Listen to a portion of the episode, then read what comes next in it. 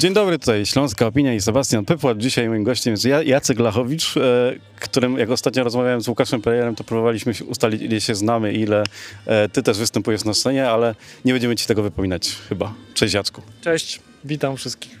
E, jesteśmy na Alterfeście, grasz dzisiaj tutaj jako las e, i zacznę takie pytania, którego chyba ci nigdy nie zadałem, a zawsze mnie to zastanawiało, czemu właściwie las, a nie grasz już jako Jacek Lachowicz?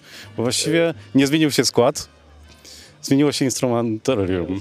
E, skład się absolutnie zmienił. No, to, to się chyba wydarzyło w 2012 roku. To był e, festiwal e, organizowany przez Arka Chronowskiego w Trójmieście. Arek Chronowski jest właścicielem klubu B90.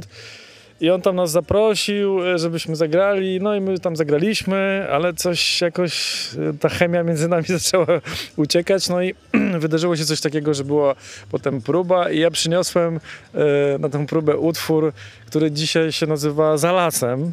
I mówię do chłopaków, ej chłopaki, chodźcie to zagramy, kurczę, to jest chyba dobry numer będzie z tego i tak dalej. A oni, nie, no tak średnio mi się to gra. Tak, no to dobra. I po prostu powiedziałem, dobra, to wiecie co, odpocznijmy sobie trochę. No i zaczęliśmy odpoczywać, a mnie jakoś tak ciągnęło do tego, żeby w ogóle trochę elektronicznie coś zrobić i nagrałem po prostu utwór za lasem i to tak poleciało już. I dlatego to jest teraz las, a nie Jacek Lachowicz. Mhm.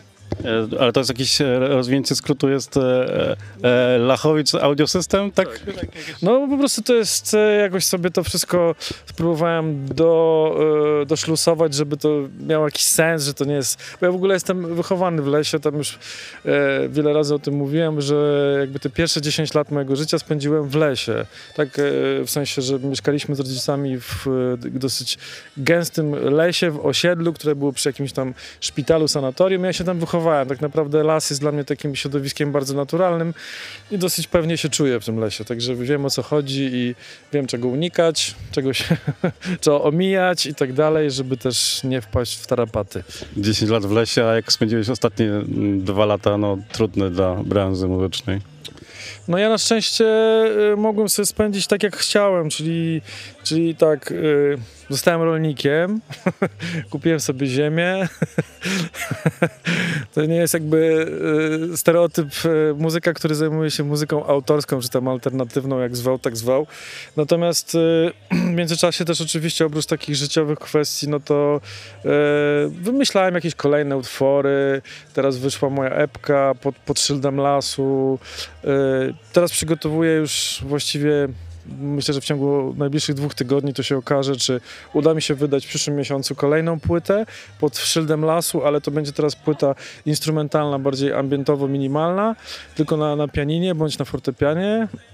No i, i tak to sobie żyję. No po prostu staram się coś robić po to, żeby trochę przeżyć, a też trochę sobie jakby dogodzić. Właśnie jak zobaczyłem, że ukazała się epka Upadek, e, to to tak się trochę zdziwiłem, bo tak wydawało mi się, że trochę już chyba sobie odpuściłeś tą walkę z tą materią sceny alternatywnej w Polsce.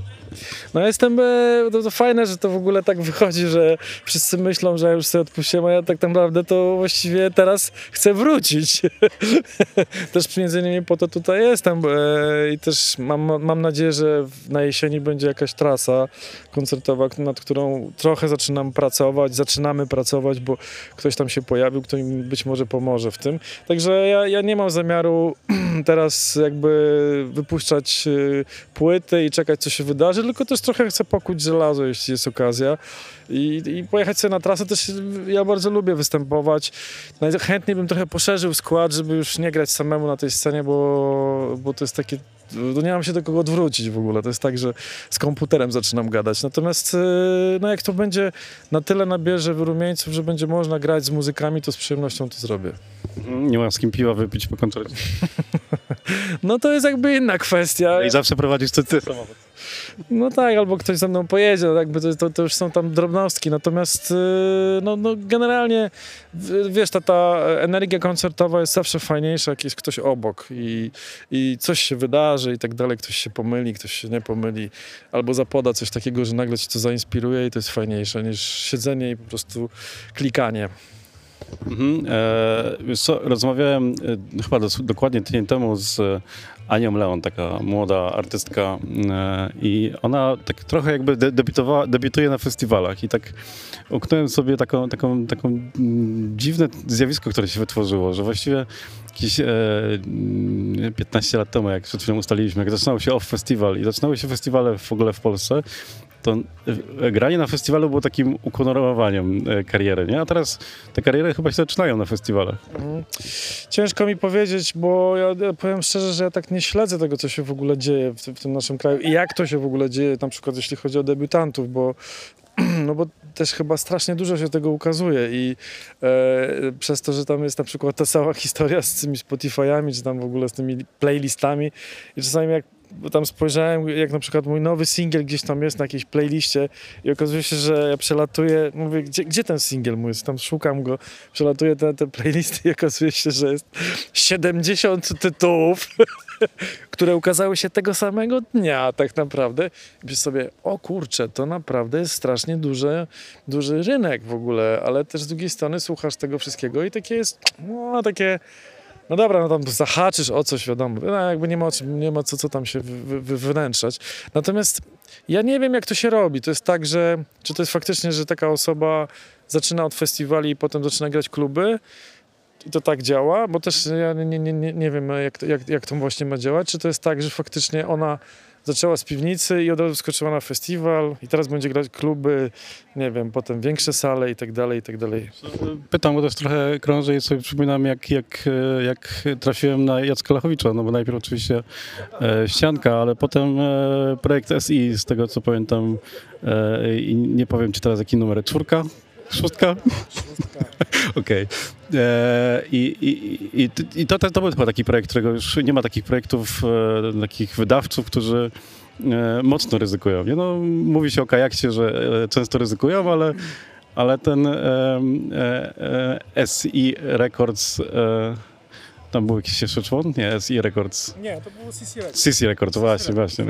Tak, tak, no to, to taki, takiego czegoś chyba nie ma. Myślisz, że brakuje takiego czegoś? Potrzeba to? Bardzo. Powiem tak, że bardzo, bardzo, bardzo e, mam kontakt z Juskiem, czyli z Pawłem Jóźwickim. Też przegrałem, że tak powiem, ostatnie dwa lata do, do, do dwa- 2020 roku, od 2000, 2018 z Cortezem, który Józek jest jego menadżerem. E, No ale widzę, co się dzieje. No Józek zamienił CC Records na, teraz na swoją właśnie firmę Jazzboy, nie? Czyli, czyli tam bierze te, te swoje talenty. To już nie jest tak e, odważne. W sensie, że czuję w tym, że CC Records naprawdę było coś. Nie? To, że było takie, że nawet rozmawiałem kiedyś z Bilianą e, Bakic, która była szefową BMG wtedy i CC Records. I ona powiedziała, że jak jeździła ona po świecie, na, po jakichś konferencjach i ona mówi, a mamy taki label, który wydaje niezależną muzę. Oni mówili, jak to? Przecież to jest niemożliwe, nie?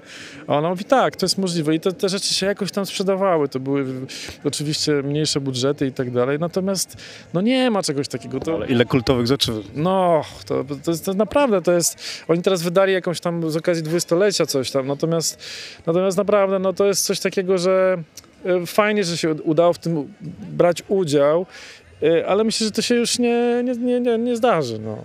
Dobrze. E, przed chwilą mówiłeś, że chciałbyś z kimś pograć, ale też zdanie wcześniej powiedziałeś, że kolejna e, e, płyta, która gdzieś tam się szykuje, będzie ambientowa i bardzo skromna.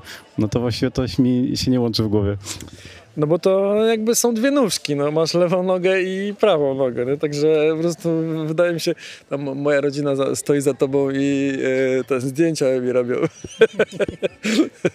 no, e, bo to jest tak, że te, ja też taki płodozmian lubię e, w tak zwanym, nie wiem, tworzeniu, nazwijmy to tak górnolotnie, żeby też nie, nie, nie siedzieć w takim cały czas tym, no nie wiem, grasz o rocka i siedzisz w tym roku przez 40 lat i okazuje się, że tak naprawdę grasz cały czas tą samą piosenkę, którą grałeś 40 lat wcześniej.